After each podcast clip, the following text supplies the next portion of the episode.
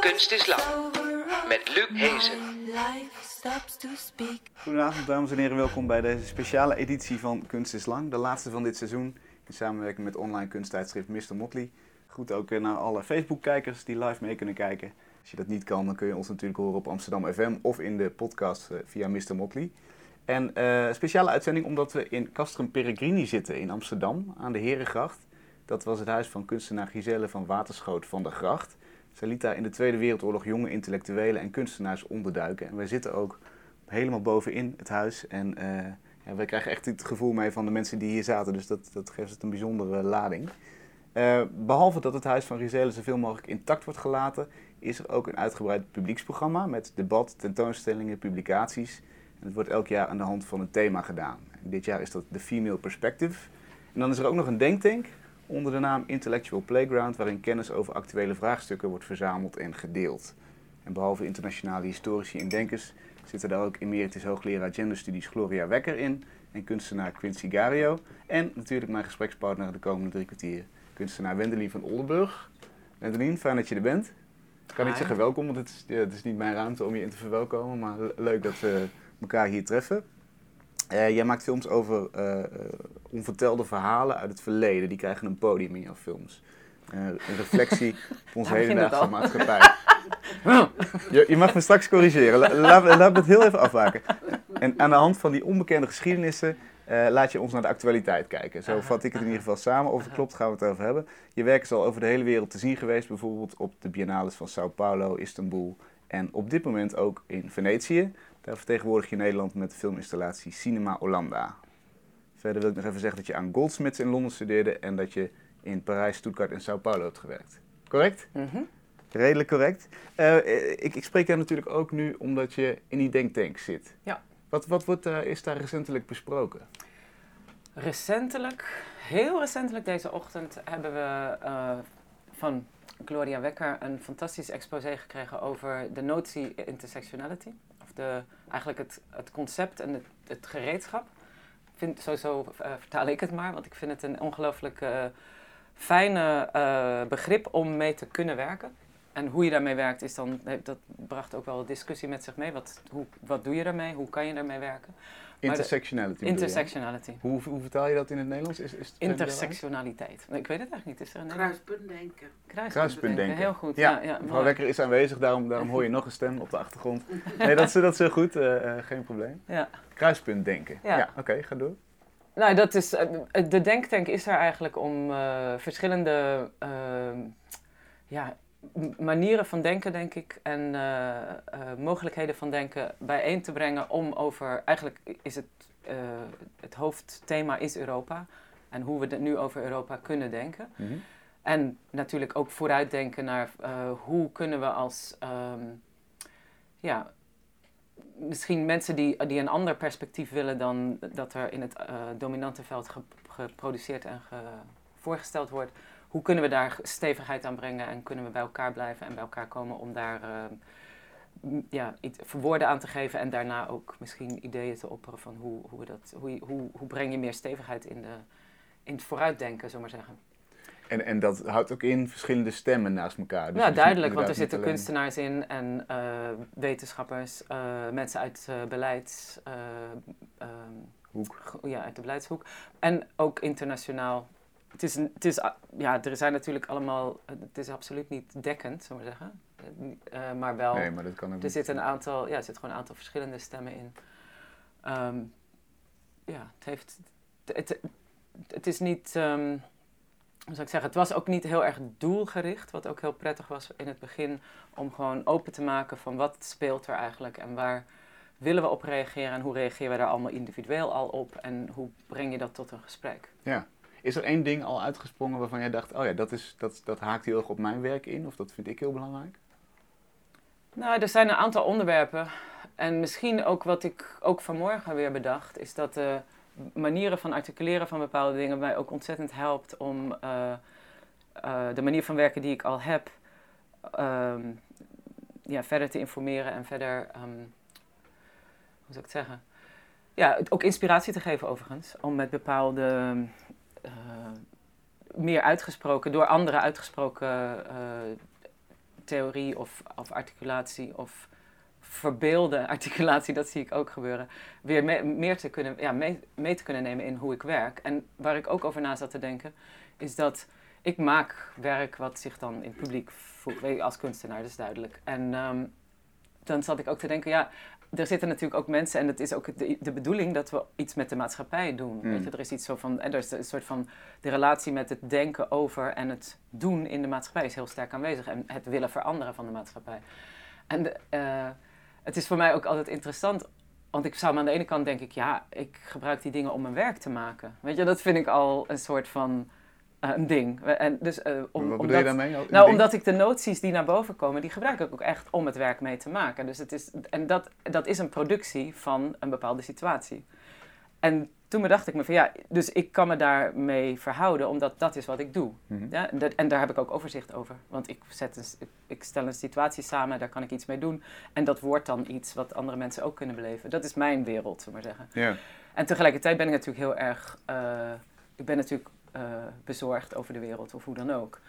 Ehm, maar ik zat mij ook te bedenken van als je dan in een positie zit van het willen direct veranderen van de wereld, hoe verhoudt zich dat hè, met het maken van een werk? En eigenlijk dacht ik, misschien is die stap helemaal niet zo groot. Hmm. Misschien is het ook wel het maken van een werk. Weet je, dat is, want ik zie dat ook wel als een soort van. eh, soms gebruik ik het zelfs zo als een soort metafoor voor andere relaties. Hè? Dus het, zeg maar, het opzetten van een eh, filmproductie is voor mij altijd ook een soort metafoor geweest van het opzetten van sociale relaties. Mhm.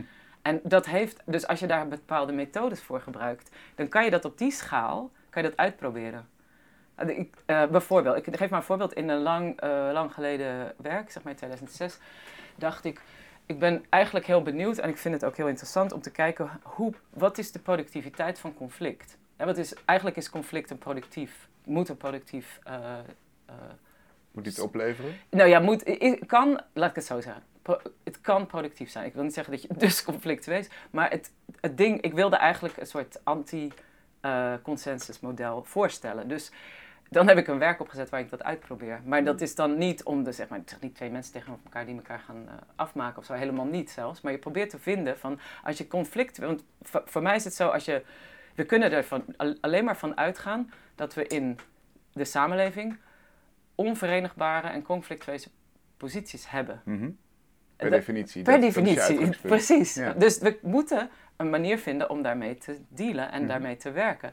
Dus als ik dat in een werk, zo wil ik het uitleggen, als ik dat in een werk kan doen, dus ik maak een soort van experimentele idee om daar een werk mee te maken, wie weet, is dat dan ook, zeg maar, dan heeft dat ook een soort van effect op het idee of de, de, de, de voorstelling groeit dat dat ook in de maatschappij zou kunnen. Ja, het is Ik zeg maar wat. Testcase bijna misschien. Soort van, maar dat Eh, was le- alleen maar, ik kreeg, ik kreeg Over welk project je het hebt. Misschien kunnen we het iets concreter maken Ah ja, het is een dat film die ik morgen in het stedelijk zal tonen. Dat heet Soundtrack Stage. En wat ik gedaan heb, echt was een grap. Of het is, ik, ja, fijn, grap.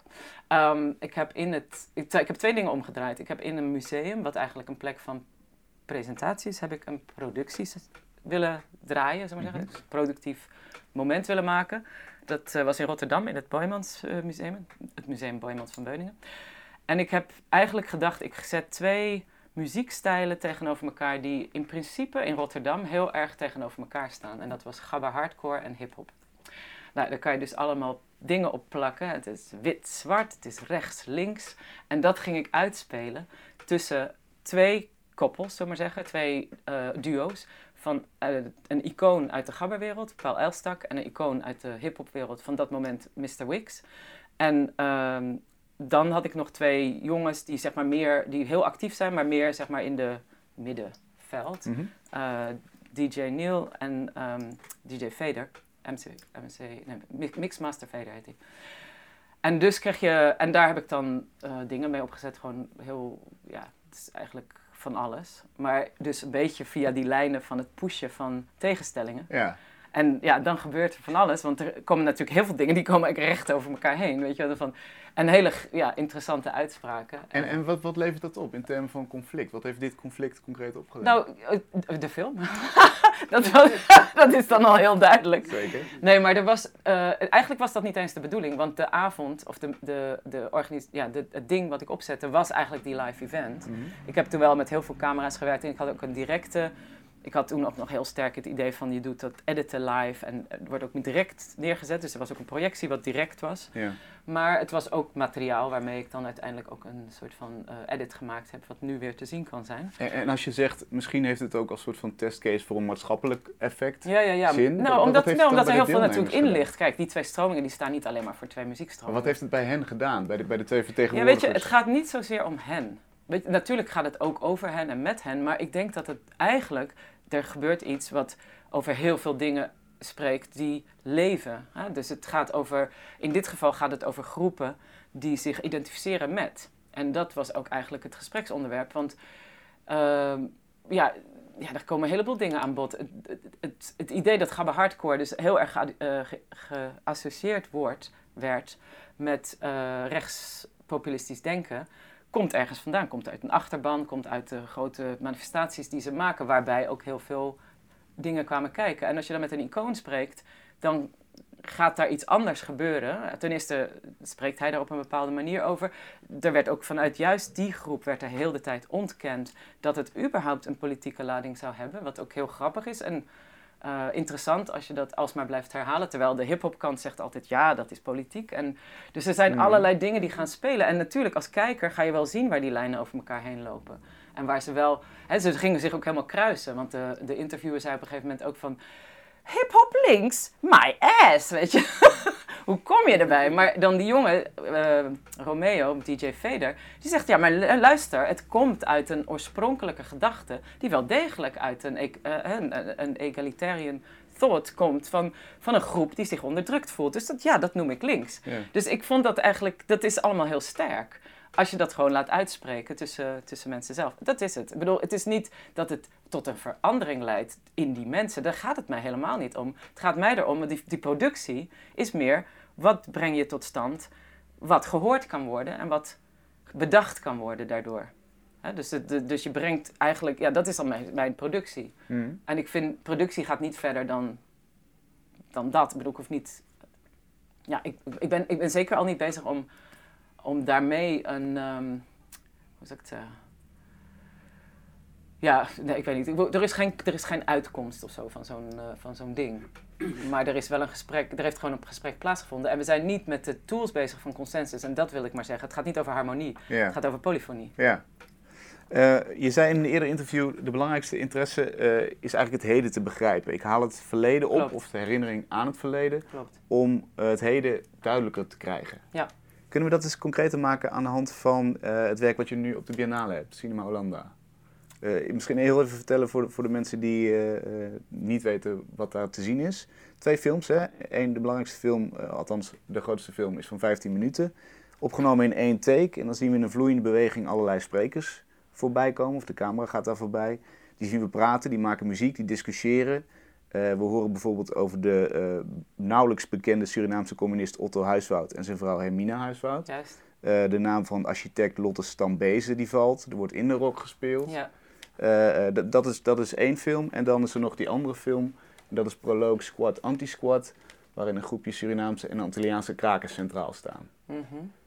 Dat, dat is in het paviljoen te zien. Hoe, kun, je- kun je eens uit, toelichten hoe, ehm, hoe je met, met die films wil kijken naar het heden? Bon, er zijn twee verschillende werken. Er zijn ook verschillend tot stand gekomen. De, de film die je eerst noemde, dat is inderdaad de, de film die ik voor het paviljoen gemaakt heb, voor die gelegenheid. Eh, dus die staat in die zin in verband met het heden dat... ehm, waar het mij om gaat is dat we het he- nu zeg maar ervaren als een... eh, even kijken hoor. Ja, we. Dat is ook al moeilijk te zeggen natuurlijk. Ik denk dat er een, er is een situatie ontstaan waarin er een soort ehm, dilemma's naar de boven komen, duidelijk. Eh, duidelijkere dilemma's. En in het nu zetten wij toch te kijken van hoe gaan we in dit land samenleven met al die mensen die er zijn. Mhm. En ehm, er is in, in, dat, in dat werk en ook in mijn positie of in mijn eh, denken over het eh, iets maken voor dat, die specifieke plek, voor het, eh, voor het Nederlands paviljoen in Venetië, Mhm. ehm, was de gedachte groot van wat is hetgene wat ehm, in dat paviljoen en in die representatie die daar dus altijd is, namelijk het paviljoen zelf is de representatie die er altijd is Van Nederland. van Nederland. Mhm. Dat is een modernistisch paviljoen, een mo- modernistisch gebouw, eh, gebouwd in 1953 van Rietveld, van Gerrit Rietveld, die eigenlijk als eh, esthetische handeling, eh, uit esthetische gesture, staat voor een hoop dingen waar wij nog steeds ook voor willen staan en waar we ons graag mee identificeren. Als zijnde Nederlander. Precies. En ik denk dat dat... ze eens heel kort. Nou ja, de dat, dat zou dan ehm, progressiviteit, transparantie, ehm, ja, wat hoort daarbij? Overzichtelijkheid, eh, rechte lijnen, weet je. Dus een soort van helderheid, Ja. die hoort bij dat beeld. En ook een soort van unific- unificeren, hoe zeg je het, een eenheid tot eenheid makend. Mhm. Denk ik ook dat een gedachte was, van kunnen, we kunnen een soort van unified Universele Dutch. beeldtaal ook wel, hè? Dus Precies, ja, ja precies. Internationaal her- is ook, het hoort ook bij een gedachte van het modernisme, van het internationale in die zin. En ehm, uiteraard leven we in een tijd waarin dat beeld één van de beelden is, want duidelijk eh, is het gewoon overal veel meer chaos. Hè? In, in het, ja, wat, wat, wat je ook als beeld kan hebben, als, al is het maar een architectonisch beeld. En dat je nu naar een nieuw of nieuw of een oude wijk kijkt, dan is het allemaal niet zo helder en Nee. duidelijk als het in de vijftiger jaren wel eruit kwam te zien of zoiets. En hoe, hoe het bedacht werd en hoe het neergezet werd. Mhm. En eigenlijk de gedachte was een beetje van nou, dat, dat beeld, hoe, hoewel het nog leeft, is het duidelijk te ondervragen. En dat denk ik dat iedereen dat deelt als een gevoel van ja, dat, dat klopt niet als beeld. Het beeld wat we over onszelf hebben. Ja, en wat ook van buiten ook vaak nog steeds over ons gehad heeft. Wordt, hebben, da, te. Precies. Dus het Ik- want om- dat hoor je ook vaak terug. Dat mensen zeggen, ja, maar Holland is toch zo. Terwijl ook natuurlijk in Europa absoluut gezien was hoe politiek gezien Holland zich zo veranderd heeft over de, over de laatste, nou ja, 30, 40 jaar, we maar zeggen. Maar ik ben ook altijd, ja, ik, ben, ik heb zelf heel lang in het buitenland eh, gewoond, zeg maar buiten Nederland gewoond, eh, waarvan uit ik ook, ook dat beeld, dus ik heb eigenlijk altijd een beetje ehm, een argwaan naar dat beeld zelf Mhm. als er naar terug verlangd wordt in de 70 jaar bijvoorbeeld. Hè? Want het wordt vaak gezegd van oké, toen was het nog wel, maar nu niet meer. Maar ik, daarom heb ik ook dat werk eh prologue squat, anti-squat gemaakt. Er staat namelijk veel meer de 70er jaren centraal. En daar komen ook dingen naar boven dat je denkt van ja, hm, dat past ook weer niet in dat beeld wat ik zelf eigenlijk al met me meedraag van die 70er jaren. Die dan zogezegd het meer positieve eh, gevoel zouden meegeven dan nu. In onze zin, hè, als, wij zeggen, als wij zeggen van eh, Nederland was ooit wel sociaal gericht in zijn politiek en nu niet meer. Want Ja. nu is het zo duidelijk aan het worden. Het is, het is al zo tastbaar geworden in de laatste, nou zeg, 20 jaar. Dus we hebben dat beeld wat leeft in het buitenland van onszelf en wat we van onszelf koesteren uit de jaren 50. Hè? Dus, dus nou ja, al die waarden die jij net opnoemde. En je dacht, daar, daar moet iets naast of daar moet iets tegenover komen te staan. Ja, duidelijk. Ik bedoel, ik denk wel dat iedereen wel een bepaald gevoel heeft dat dat niet het geheel om- omvat. Dat lijkt mij tenminste logisch, dat iedereen dat gevoel wel heeft. Maar het is de vraag natuurlijk, vanuit waar kijk je om dat gevoel te openen? Weet je wel, want er zijn natuurlijk genoeg mensen die dat gevoel niet eens, niet eens aanraken. Weet je, wel, die komen niet eens in dat beeld terecht. Hmm. En dan heb je natuurlijk ook, dan kan je ook nog vanuit mij gezien bijvoorbeeld dat, dat beeld begrijpen en kennen. En dan eh, zien dat eigenlijk, ja, dat je daarachter nog heel veel, eh, dat er nog achter nog heel veel te zien is en heel veel te, te ondervragen is. En in eerdere werken die ik maakte heb ik ook altijd geprobeerd om wat er vandaag speelt en welke debatten er gevoerd worden. Want dat is ook iets waar vanuit ik gewerkt heb. Van, er zijn de debatten, weet je wel, de debatten. En dan, wat, wat worden daar aan eh, argumenten gebruikt? Is het, blijft het vaak juist in dat nu en dat vandaag? En ik vind, ja, maar wij komen met een heleboel. Weet je, we zijn niet, we zijn niet vandaag... eh, we, we zijn niet alleen maar door vandaag beïnvloed. En niet alleen in mijn eigen leven, maar mijn, mijn eigen leven is al beïnvloed door de vorige generatie. En door hoe ik ook, ja, hoe kom ik tot stand als ik? Dat dat heeft een hele lange geschiedenis. En daar zitten heel veel dingen in die we alsmaar niet eh, in het publiek brengen. Hè. Dus alle, nou ja, eh, om het maar heel eh, blunt te noemen, natuurlijk alle koloniale eh, strands, die komen door mij heen naar het heden toe. Dus hoe, hoe ik ook reageer, dat komt daar vandaan, zeg maar. Ja? Dus ik moet daarmee dealen. Ja. Dus ik vraag dat dan ook aan anderen om dat ook maar te doen. En weet dat- je? dat en dat doe ik dan via, ja, omdat ik zeg van nou, la- k- la- kijk dan maar mee. Ja. Laten we dan samen gaan zoeken. En dan kunnen we bijvoorbeeld naar deze. Er zijn cases die je naar boven kan halen als een soort van eh hang-up. Dat je dan er iets aan op kan hangen en dan kan je het zien. Ja. Zo- Zoals inderdaad eh, in deze film bijvoorbeeld die in de rock, nou de namen die we, die we al aanstipten. Ja, ik heb in, in deze film heb ik eigenlijk een soort van. ehm, ja, een korte. Inderdaad, nou, ik heb dus een korte sweep willen maken met die 15-minute take. Mhm. Dat is ook echt. Ja, dat, dat heeft ook een aantal. Het is, eh, formeel is dat een hele interessante exercise. Om met één shot te willen filmen. Technisch moeilijk, ja. Nou ja, het, het hangt vanaf wat je doet. Als je iemand, naast iemand gaat lopen die langs de straat loopt voor 15 minuten, dan is het niet zo moeilijk. Maar als jij zegt, zeg maar, zoals de, ja, de, de, de, de voorbeelden die ik daar graag eh, bij me draag, om zoiets te willen doen, die gaan door inderdaad eh, eeuwen en, en hele verhalen heen natuurlijk. En denk je, jee, hoe doe je dat in één shot? Te gek. Mm.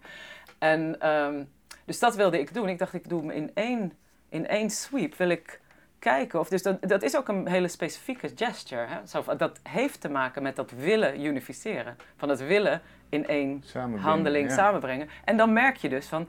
eh, dat hoe kan dat met al die tegenstrijdige forces? En is het wel zo makkelijk? Dus al die dingen kom je dus eigenlijk in je formele exercise kom je die al tegen. En daarbinnen wilde ik eigenlijk ja, toch een soort korte exposé geven van de dingen die daar absoluut al speelden in de 50er jaren, terwijl dat beeld geschapen werd. Nou, daar, daar hoef je dus echt niet zo ver onder de surface te gaan. Mm.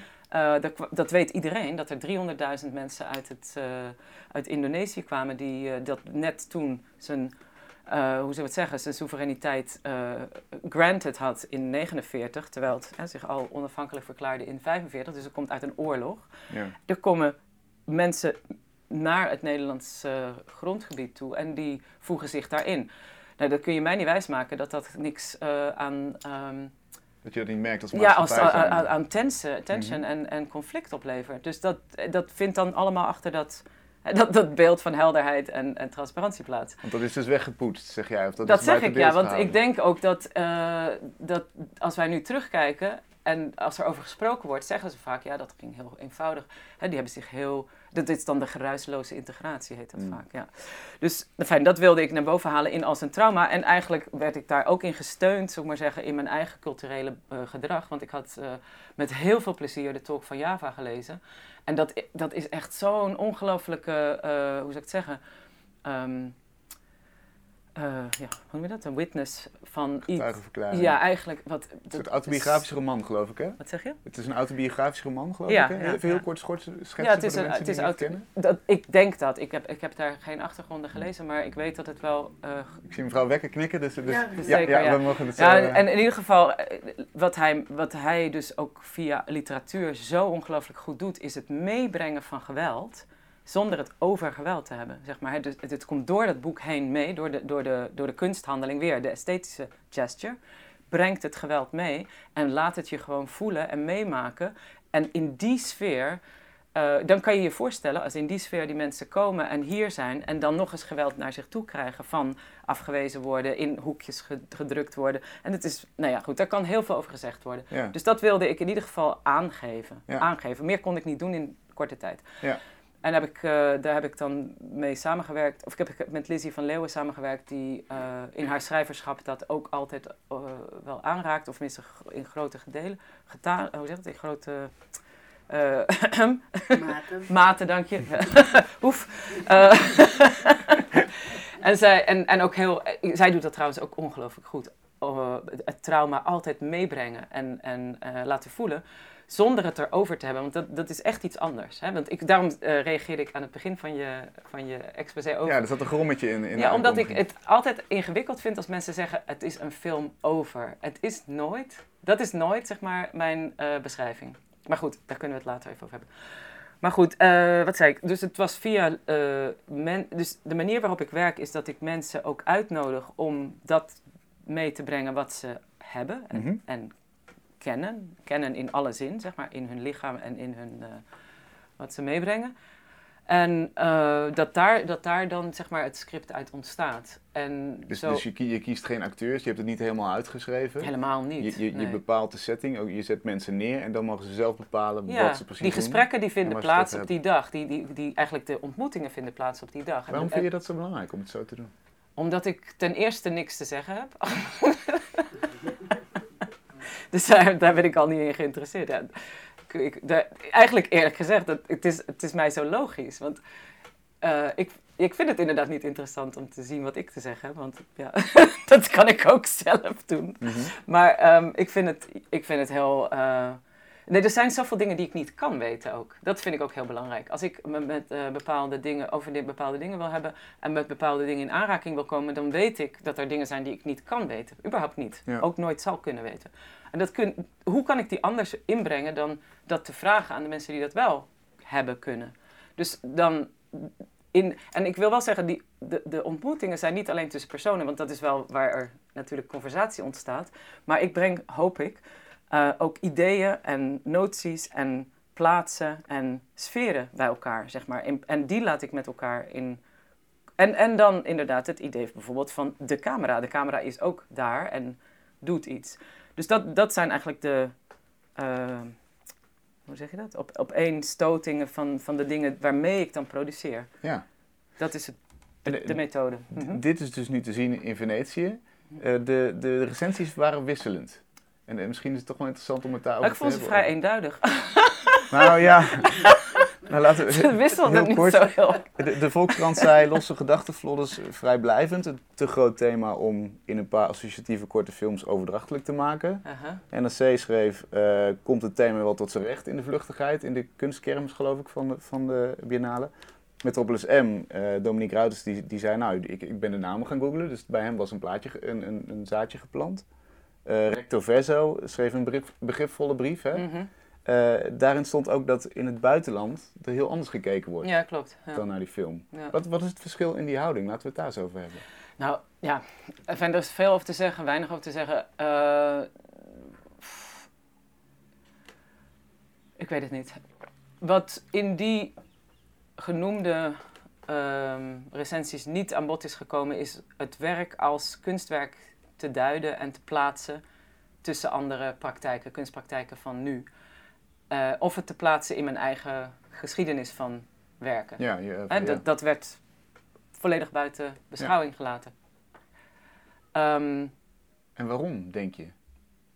daar kan ik geen antwoord op geven. Ik, ik, ik begrijp dat niet, want dat is voor mij hoe je eh, een kunstwerk zou.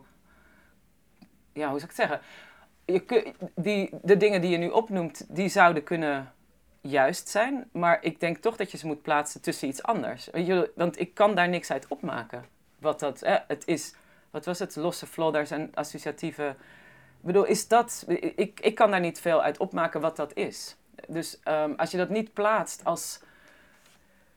Kijk, als mijn, als mijn handeling en mijn eh, voorstel niet geplaatst wordt binnen iets anders, binnen, ander binnen andere kaders waar het tussen past, namelijk bijvoorbeeld de andere paviljoens of een, eh, de andere videopraktijken die daar plaatsvinden, da, da, da, dan is dat heel moeilijk te, te beseffen wat, dat, wat er eigenlijk gebeurt. Ja, is het niet in verhouding te beoordelen? Is, ik vind niet dat er veel kan gebeuren. Maar goed, eh, wat er dus bijvoorbeeld uit de buitenlandse pers wel gebeurde, was precies dat. Het werd geplaatst tussen andere dingen. Ja. En daarmee kreeg het een plek en daarmee kreeg het ook eer. Want het was ook bijvoorbeeld notable. Notable dit, notable dat.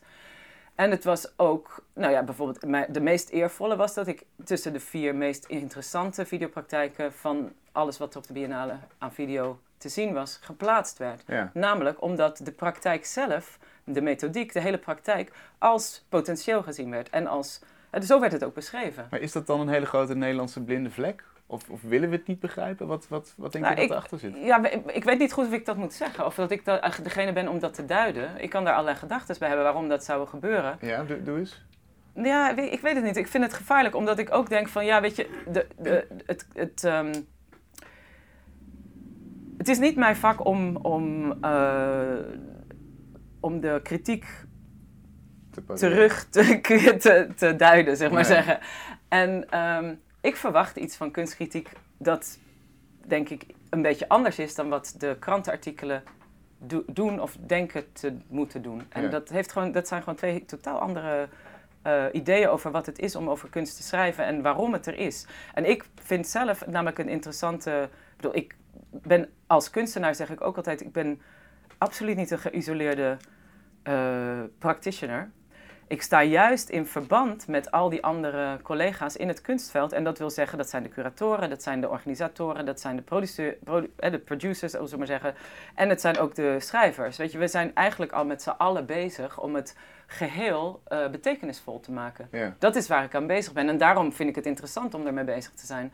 Want en het is misschien hetzelfde als ik wat heb ik te zeggen als ik mijn eigen stem moet horen? Nou, niet veel, weet je, wat vind ik niet interessant? Ik vind het interessant om in gesprek te zijn en om uit die, wat ik ook eerder zei, ik vind het, het woord productie is voor mij ontzettend belangrijk, omdat het tot iets, weet je, de productie is datgene wat het, wat het gaat doen en wat het ook doet. Maar is het dan niet in dit geval, je zei ik vind het interessant om in gesprek te zijn, is het dan niet dat hier het gesprek niet aangegaan wordt? Is dat vind ik, dat is een goede opmerking, want ik denk, ik vind, ik vind mijn werk daar niet in terug. Ja, Ik zie niet waar daar op mijn werk gereageerd is, want ik vind het niet terug.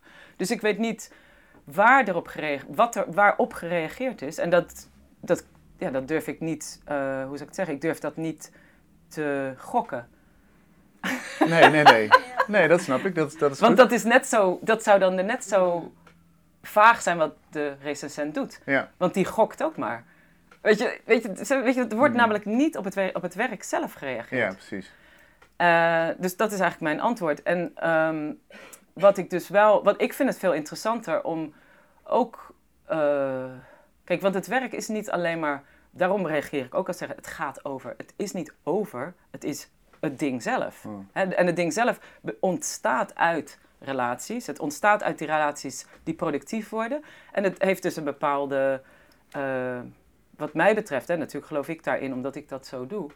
ehm, eh, ja, ik, ik heb het idee dat juist het, eh, het, het- de manier van maken zoveel mee, meebrengt in het werk, dan dat je dat gewoon niet ook, dat kan je niet als, ehm, hoe zou ik zeggen, het valt niet weg achter, achter iets anders, waardoor je kan zeggen het gaat over. Begrijp je wat ik bedoel? Ja. Eh, Je zei in de voorgesprekken, misschien kunnen we het daarmee nog verduidelijken. eh, ik maak geen documentaires en ik maak geen journalistieke reportages. En mijn medium is echt fundamenteel anders dan dat. Ja. Eh, leg eens uit, kun je dat eens toelichten? Nou ja, ik vind dat kunst en beeldende kunst en ook, zelf, ook film binnen beeldende kunst, maar ook film aan zich, heeft een mogelijkheid om met heel, op heel veel sensibiliteiten in aanraking te komen. Hè? Dus ook te doen resoneren op, ja, in manieren die, en dat geldt ook voor literatuur, geldt voor muziek, geldt voor de kunsten. En dat is mijn interesse. En ik denk ook dat, het, dat daar een enorm potentieel ligt om dingen te laten resoneren die anders eigenlijk heel moeilijk te bereiken zijn. Moeilijker om ze echt te beschrijven en er echt iets mee te doen.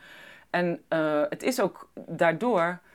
Eh, ja, en, en omdat ik zeg, het is de verschillende sensibiliteiten. Dus je, je werkt niet alleen met het, eh, met het cognitieve. Je werkt ook juist op het, het gevoel van kleur en het gevoel van ritme en het gevoel van, van ehm, ja, alle dingen die erbij komen kijken. En ik vind film daarvoor interessant, omdat het juist, die, die heeft, de film in zichzelf heeft al verschillende registers om aan te raken. Je wordt altijd geraakt door. En ik moet eerlijk zeggen, in dit werk bijvoorbeeld maak ik dus ook heel veel vaak mee dat mensen zeggen, 15 minuten? Het leek er wel vijf of zo, weet je. je die wordt er een soort van door, doorheen gesweept. Ja, En da- dan denk ik, nou, dat heeft gewerkt. goed gedaan. Ja, precies, want dat is dan toch een, een effect van, dat, van die esthetische gesture. Dat iemand zich, ook al, misschien leverde het een soort verwarring op, maar je werd er wel doorheen gegalopeerd, zullen we maar zeggen. Ja. En, en, en gegrepen door, weet ik veel, misschien het, het moment van stilte en het moment van, van blauw en paars. Het moment van een plotselinge gewelddadige gitaar. Weet je, er waren allerlei soorten van, eh, van vind ik hoor. Ik, ik zeg het echt alleen maar uit mijn eigen beleving en ik wil niet zeggen dat dat de beleving van de viewer is. Mhm. Maar er zijn wat mij betreft verschillende soorten van beleving die je dan in die reis boem boem boem achter elkaar meemaakt. En dat is niet alleen maar te- te- te- te- te, ik heb het hier over. Ja, Snap je? En da- beperkt tot- daarom tot vind ik dat altijd zo teleurstellend als dat het is wat, eh, wat een soort van vrevel oplevert. Van, eh, er wordt zoveel informatie gegeven, eigenlijk weet ik dat niet. ja. Snap je? En de woorden schieten dan eh, per definitie misschien wel tekort om dat te beschrijven. Dat is natuurlijk ook wel Nou, nee, ik, het, nou ja, dat vind ik niet hoor. Ik denk dat dat makkelijker kan. Maar je moet gewoon eventjes kijken waarmee je het, waarin, waarin je het gaat leggen. Ik bedoel, Context. ja, en hoe ga je... Waar, ja, ik vind dat het... Ik, ja, ik mis het een beetje. Weet je wel, dat dat gewoon ergens gezet wordt waartussen het gewoon een, een plaats kan krijgen in. Weet Ja. je? Oké, geno- genoeg over de recensies. Eh, wat, wat, wat jij net, eh, voordat we begonnen met de uitzending, zei... ik probeer zoveel mogelijk vrouwen ook bij mijn productie te betrekken. Mhm, Nou, er zit, zit natuurlijk hier in Custom Peregrini gaat het over feminisme dit jaar. mhm. Ehm, wat, wat, om wat voor feminisme vraagt deze tijd, wat jou betreft? Want dit, dit is een heel praktisch, praktisch voorbeeld, denk ik, van hoe je dat inzet. Oeh, dat is wel een grote vraag. Wat voor feminisme vraagt deze tijd? Of in ieder geval, als je naar jezelf kijkt, la- laten we het concreter maken. Ehm. Ja, er zijn een aantal dingen die, waar ik langzaam achter gekomen ben dat ik dat eh, al onder. Want eh, ik, ben, ik heb het ook al eerder eh, gezegd tegen. In, het, ja, in de voorbereidingen tot dit interview. Dat ik het. Het is heel interessant hoe ik me tot het woord feminisme verhoud. Omdat toen ik jonger was, ik me daar ongelooflijk tegen afzette. Wat ik ook een interessante Nederlandse houding vind. maar ik heb, het is wel heel grappig, want ik heb het op een gegeven moment ook, eh, weet je, kon ik het makkelijker oppikken en wist eigenlijk niet wat het betekent. Ik weet nog steeds niet echt wat het betekent, omdat ik ook denk, eigenlijk daarom ben ik ook heel blij met de intersectionality, als een soort van veel eh, ruimer begrip waarin die dingen wel over elkaar kunnen gaan liggen die ik zelf voel. Maar het is meer dat ik het. ehm, dus de definities die ervan in de, in de wereld om mij heen hebben rondgewaard, heb ik mij nooit echt mee thuis gevoeld. Mhm. Hoewel ik na verloop van tijd, en dat is zeg maar de laatste jaren, zou ik mij gemakkelijk feministisch noemen. Daar heb ik echt absoluut geen probleem mee. En langzaam ben ik erachter gekomen dat de dingen. eh, Er zijn een aantal waarden waarmee ik werk, die kunnen daar makkelijk onder vallen. En een van de dingen bijvoorbeeld eh, is dat ik. ehm, ik heb mijn boek, mijn, eh, die, dat vorig jaar uitgekomen is, dat heet Amateur. En dat is bijvoorbeeld iets wat ik daarmee in verband wil brengen. Ik heb een bepaalde afkeer en een bepaalde, nou zou ik zeggen, nee niet afkeer, maar wel ik verzet me tegen het principe van professionalisering. Dat rondwaart in mijn omgeving van kunst, zeg maar. Eh, omdat ik juist de waardes van, die eigenlijk toegeschreven worden aan het idee amateur, veel belangrijker vind dan de waardes die toegeschreven worden aan professionalisering. Welke zijn dat? Bijvoorbeeld, eh, eh, nou ja, als we het. ehm, kijk hoor, waar ik moet beginnen. Want het zijn er nogal veel. Maar professionalisering zou zijn dat je een bepaalde herhalingsprincipes hebt, waardoor je het eh, naar een ander. Weet je, dat- je het. eh, dat je het kan vergroten, de, vers- de schaal kan vergroten, omdat je herhalingsprincipes Mhm, hebt. Ja. Nou, dat, dat, dat, dat zie ik dus niet als een waarde. Ehm, eh, ik vind het, zeg maar, het, het opnieuw ontdekken van de dingen altijd een belangrijke waarde. Dus het opnieuw, opnieuw beginnen. Van, en dat, ja, ik kan dat altijd amateuristisch noemen, want dat betekent dat je nooit echt goed weet wat je aan het doen bent. Maar ik heb natuurlijk heel veel ervaring. Dus het is niet, weet je, het is niet een uit. eh, en ik ben ook overigens, weet je, ik ben niet onprofessioneel. Eh, maar ik vind wel dat de ideeën van professionalisering, die gaan, wat mij betreft, ook heel vaak juist over de, over de, hoe zeg je over de as van de eh, eh, neoliberalisering. ja. dus dat je, Productiviteit. dat je precies, dat er, dat er bepaalde dingen verwacht worden die in een, in een kader van eh, groei, economische groei, ehm, echt in een, in een bepaalde denkkader terechtkomen waar ik eigenlijk helemaal niks mee te maken wil hebben. Dus dan wil ik dat ook niet in mijn praktijk betrekken. Dus dat zijn dingen waardoor ik denk, oké, waar past dit in? Nou, dat past best in een feministische eh, manier van denken. Het, het hoort daarbij, zeg maar. Dus da- daarmee verbind ik mij wel. Heb, je nog zo'n zo'n concreet voorbeeld van hoe dat, dat feminisme volgens jou er nu uit moet zien? Ja, ik, ja, en uitzien, ik vind het altijd heel erg lastig om eh, uitspraken te doen over de, hoe dingen zouden moeten. Eh, dus dat, ja, dat, doe ik dan, dat doe ik dan ook liever niet. Hoe jij daar invulling aan geeft. Maar nou, hoe ik er, ja, ik, ja.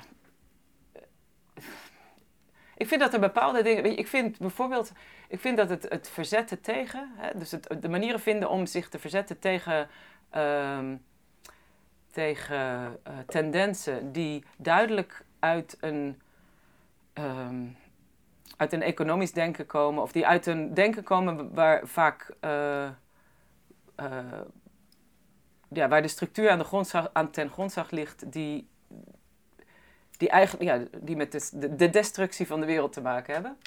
Dus we kunnen er grote woorden op plakken. Eh, als je daartegen kan verzetten door kleine handelingen, dus, dat, zeg maar het, eh, dus door alle beslissingen die je zelf neemt eh, op die manier te nemen, dan f- zou ik zeggen dat is een manier om daar constant mee om te gaan. En dat kan je op professioneel vlak doen, persoonlijk vlak, eh, sociaal vlak, daar ben je dan mee bezig.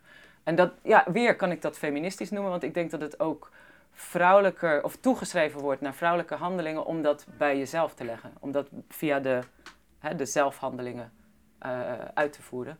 Maar ik noem ze ook heel politiek, omdat ze juist eh, tot een grotere manier van handeling zou kunnen leiden. Omdat we het, hè, je kan het uitdragen als een manier van handelen. Maar ik denk dat er, dat er veel is waar, tegen we ons best kunnen verzetten. Dus, dat je dus in je eigen leven niet meegaat met bepaalde tendensen.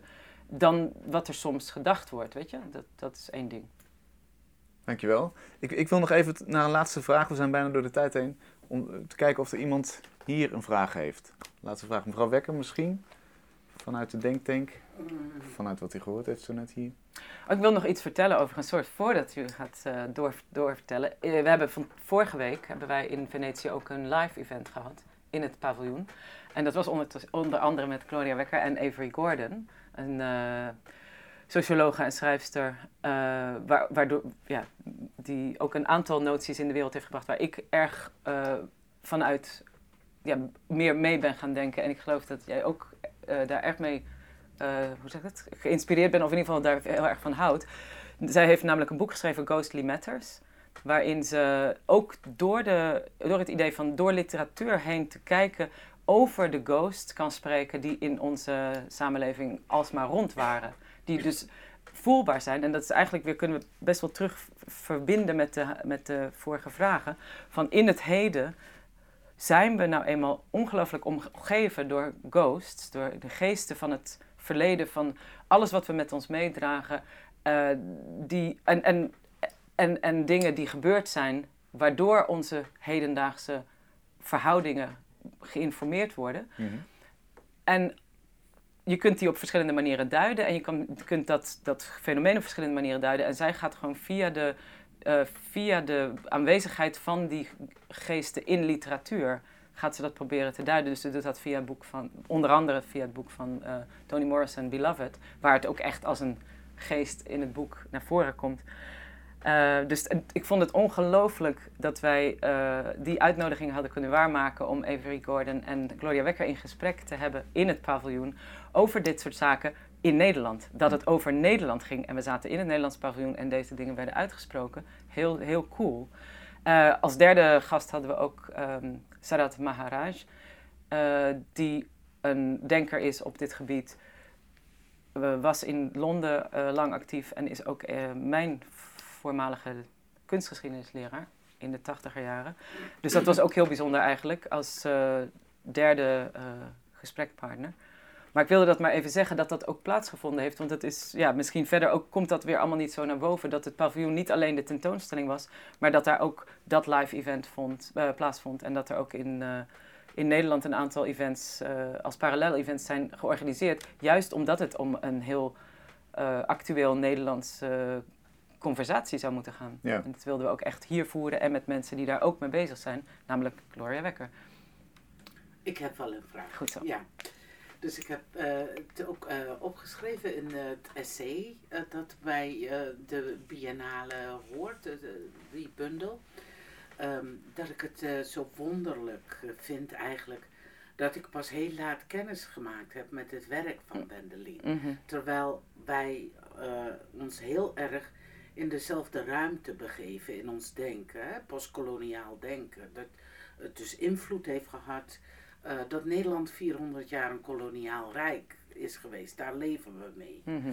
Ehm, maar nu ben ik zo eh, nieuwsgierig, maar als, als je het eh, lastig vindt om te beoordelen, be- om dat te beantwoorden, begrijp ik dat ook. Maar wat is volgens jou de reden en de betekenis dat Mondriaan Fonds jou heeft uitgekozen Ja, ja. als de Nederlandse inzending. Want ik hoor nu van iedereen, oh ik heb ook iets ingediend en eh, zoveel inzendingen. Ah, ja. ja, er waren heel veel Ja. voorstellen. Ja. En hoe begrijp jij dat? Oké. Dus, heel- is- dus ik vertel nog heel even de vraag voor de mensen die het misschien niet vanwege de microfoon gehoord hebben. Dus, dus waarom heeft het Mondriaan Fonds jou, Wendelin, gekozen? Misschien- Denk jij, hoe kijk jij daarnaar? Ja, en dan misschien is dat ook nog goed om voor de toehoorders toe te lichten dat er dus een open eh, call is, dus een eh, open inschrijving naar, naar curatoren toe, eh, waarin toch tegen de 70 eh, inzendingen waren binnengekomen. Daar is dan een shortlist van gemaakt van vijf en daar is dan één uit gekozen. Mhm. En de vraag is waarom deze inzending? Ha, dat is inderdaad zwaar om te beantwoorden, omdat ik daar natuurlijk wel verschillende gedachten over heb gehad.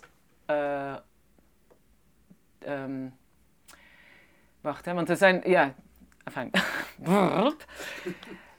ik denk dat een aantal dingen samenkomen in zo'n beslissing. Eh, dat is natuurlijk de samenstelling van de jury op dat moment. Waar, zij, waar zijn zij mee bezig? Hoe, hoe kijken zij tegen de dingen aan? Het is ook het tijdsmoment. eh, het tijd eh, wanneer... Waar komt het na? Hè? Dus de, de, de Biennale paviljoen wordt elke twee jaar door een kunstproject ingevuld. Als dat tweemaal dit en dat geweest is, waar komt, weet je wat is dan de volgende? Dat is denk ik toch heel belangrijk. Want er was, eh, hè, er zijn dan bepaalde keuzes gemaakt in de vorige keer en de voorvorige keer. En dat waren per toeval allebei een man. Dus dan denk je dat dat er, dan wordt- er alweer meer ruimte gemaakt van, oh, misschien moet het dan toch deze keer een vrouw worden. Denk ik, hè? Zo, zo gaan de gedachten Hmm. toch vaak.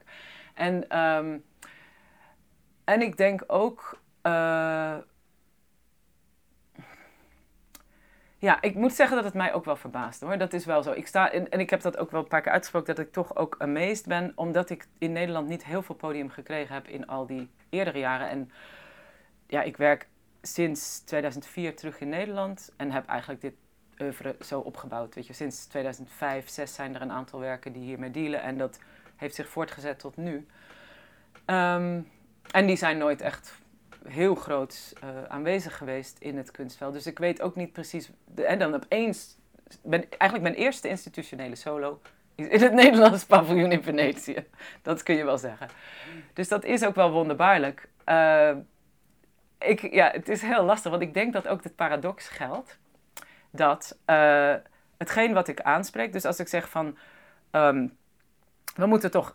Ik denk, ja, ik, ik, vind, ik, ik denk niet dat ik de enige ben die dat aanspreekt, maar ik heb het dan hier misschien wat publieker gedaan. Van dat zelfbeeld van de tolerantie en de. Nou ja, goed, ik ben zeker niet de enige naast Gloria Wekker die dat in het boek eh, eh, White Innocence uit, uitermate mooi naar, naar boven zet. Van hoe dat juist dat die houding van de tolerantie, van de progressiviteit, van de helderheid, ehm, die brengt een aantal dingen met zich mee die daardoor niet gebeuren. Dat is dan, daardoor kijken we niet verder eh, in ons eh, eigen verleden, want dat hoort daar niet bij. Het, eh, hoe het? Obstruct het ook, die houding. En dan hebben we het allemaal gehad en dan zijn we er al. Maar ik denk ook als je zegt, we kunnen nog steeds. Kijk, paviljoen heeft een heel specifieke functie en waarde. Het is namelijk het paradepaardje. Het is dus het paradepaardje van Nederland. Dus in 1953 staat daar een heel progressief gebouw. Nou, in eh, 2017 kun je ook zeggen, wij durven ook een heel kritische kunstenaar te tonen. Is ook heel tolerant. Dus het is, ja, ik vind dat dat is het paradox. Mhm. Hè, dus dat, eh, daar heb ik wel, weet je, daar ben ik mij bewust van. En ik, ik denk ook dat dat tegelijkertijd problematisch en oké is, zeg maar. Omdat ik ook kan zeggen, dat podium is voor mij ook wel heel interessant omdat het zo groot is. Omdat ik daar via dat podium die dingen dan toch opeens op een veel heel ander niveau kan delen en, en, eh, en proberen in beweging te brengen op de manier dat ik dat, ik dat doe. Dus dat, was wel, dat vond ik wel een enorme kans. Ook, en, en een verantwoordelijke kans. Dus ook verantwoordelijk in de zin van voor datgene waarvoor ik mij ook hard wil maken. Namelijk het, het delen van die ruimte. Het delen van die ruimte die ehm, toch altijd weer door de dominante groep bespeeld wordt. En ik hoor het zelf tot die dominante groep. Maar ik krijg dan opeens toch de, de mogelijkheid om, een, om via mijn manier van denken te, eh, te, ja, toch iets open te prijzen om het te delen. Dat was mijn idee daarover. Van hoe, hoe gebruik je die ruimte? En dat is ook, ja, ik, ik, ik kan niet zeggen dat ik dat, ehm, hoe zou ik zeggen? Het is niet, het is niet evident. Weet je, dat is ook voor mij niet evident, zou ik, zou ik maar zeggen. Ehm, En het is niet duidelijk gemaakt ook aan je. Of, of is, het, is het verklaard waarom ze je hebben gekozen? oh, dat, ja, ze vonden mij de beste. Ja. Ja. Dat, dat, zou het natuurlijk ook simpel kunnen Ja, ik zijn. bedoel, toch? in dit, ik- wat moet ik daarop antwoorden? Ja, de- natuurlijk niet. Maar ik bedoel, eh, dat is ook niet hetgene wat ik. Ik denk dat al die eh, lijnen van eh, interesse en, en, en ook agenda's die daar spelen, dat die, die zijn er, die worden af en toe aangesproken, die worden af en toe geuit. En die zijn ook heel interessant om juist mee te, te dealen. Want ik vond het ook super interessant en mooi ook, moet ik wel eerlijk zeggen, dat bij de opening hebben wij.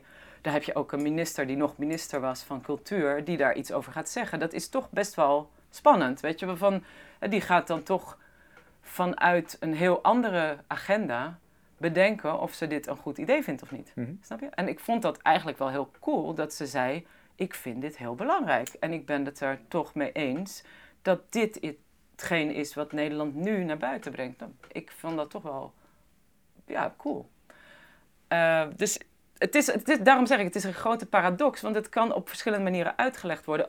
Doe ik ook voor mezelf. En ik denk, het, zijn, het is een van de type paradoxen waar we ook mee moeten dealen. Weet je, die, die forces of die krachtvelden, je kunt ze niet uit de weg gaan. Je kunt ze ook niet gaan ontkennen. Ik kan niet zeggen, nou dat speelt niet mee. Het is alleen maar voor, weet je wel, ik kan het alleen maar als een kritische ruimte gebruiken. Nee, kan ik eigenlijk niet. Weet je, het is ook een, eh, het is ook een establishment. Het is ook een, eh, een ruimte die volledig vanuit een koloniale geschiedenis daar, daar staat. Dus hoe kan ik binnen die ruimte dan pretenderen dat ik daar eigenlijk eh, niet die ruimte gemakkelijk vind, maar dat ik dan eh, daartegen iets wil zeggen. Of dat ik daar, nou in ieder geval eh, een, alternatief, een alternatieve inhoud van die koloniale ruimte wil voorstellen. Als ik het zo mag zeggen. Want de werken die ik daar breng zijn eigenlijk ook. De, de, de mensen die meewerken in die werken die ik daar breng, zijn allemaal enorme potentiële, krachtige spelers in het publieke veld. En dat waren ze ook in hun tijd. Dus dan zijn er mensen uit een andere generatie die al activist bijvoorbeeld waren in de 70 jaren. Die waren zo ongelooflijk krachtig. Hetgene wat ik misschien aanraak is dat dat weer vergeten werd. Dat dat weer weggeschreven werd uit de, uit de geschiedenis die wij willen zien uit de 70 jaren krachtigheid. Daar zie ik ze weer niet. En dan dacht ik, nou, dan breng ik ze nu toch even weer terug op het toneel. Maar dan breng ik ze ook in die, in die ruimte van het Nederlands paviljoen. Want ik heb het gevoel, dat als ik denk aan het paviljoen, denk ik altijd, is hè, er is een, hoe zeg je dat, eh, eh, populated it with other, with, with people. Hè, er zijn mensen, ja, precies, bijna de ghost. Nou, want de mensen zijn aanwezig, omdat er zoveel mensen aanwezig zijn in mijn films. Dat zijn mensen, echte types. zijn, zijn, en die zijn daar, in dat, die zijn daar aan het babbelen in dat we- Nederlandse paviljoen. Maar daar, daarom vond ik ook die gelegenheid van ons live-event zo belangrijk. Omdat toen waren we er ook live aan het babbelen. Weet je, ik vind dat babbelen ook heel interessant en mooi. Gaat dat in Nederland een vervolg krijgen? Kunnen we jouw werk gaan zien hier? We gaan ook dit werk kunnen zien, maar we kunnen op het moment ook werk zien en ook gesprekken volgen. Want er is een heel eh, uitgebreid live eh, programmering in Witte de Wit. eh het Centrum Witte de Wit met de problematische naam. Die, dat, eh, daar, daar, is een, daar is een serie eh, gaande tot eind juli. De tentoonstelling staat ook nog tot eind augustus. Dat, dat moet maar even zelf opgezocht worden. Maar er vinden ongelooflijk goede dingen plaats. Waarmee deze gesprekken geopend worden naar hè, de, degene die die gesprekken ook voeren. Dus dat is echt heel eh, super. Morgenavond hebben we ook nog een event in het Stedelijk Museum.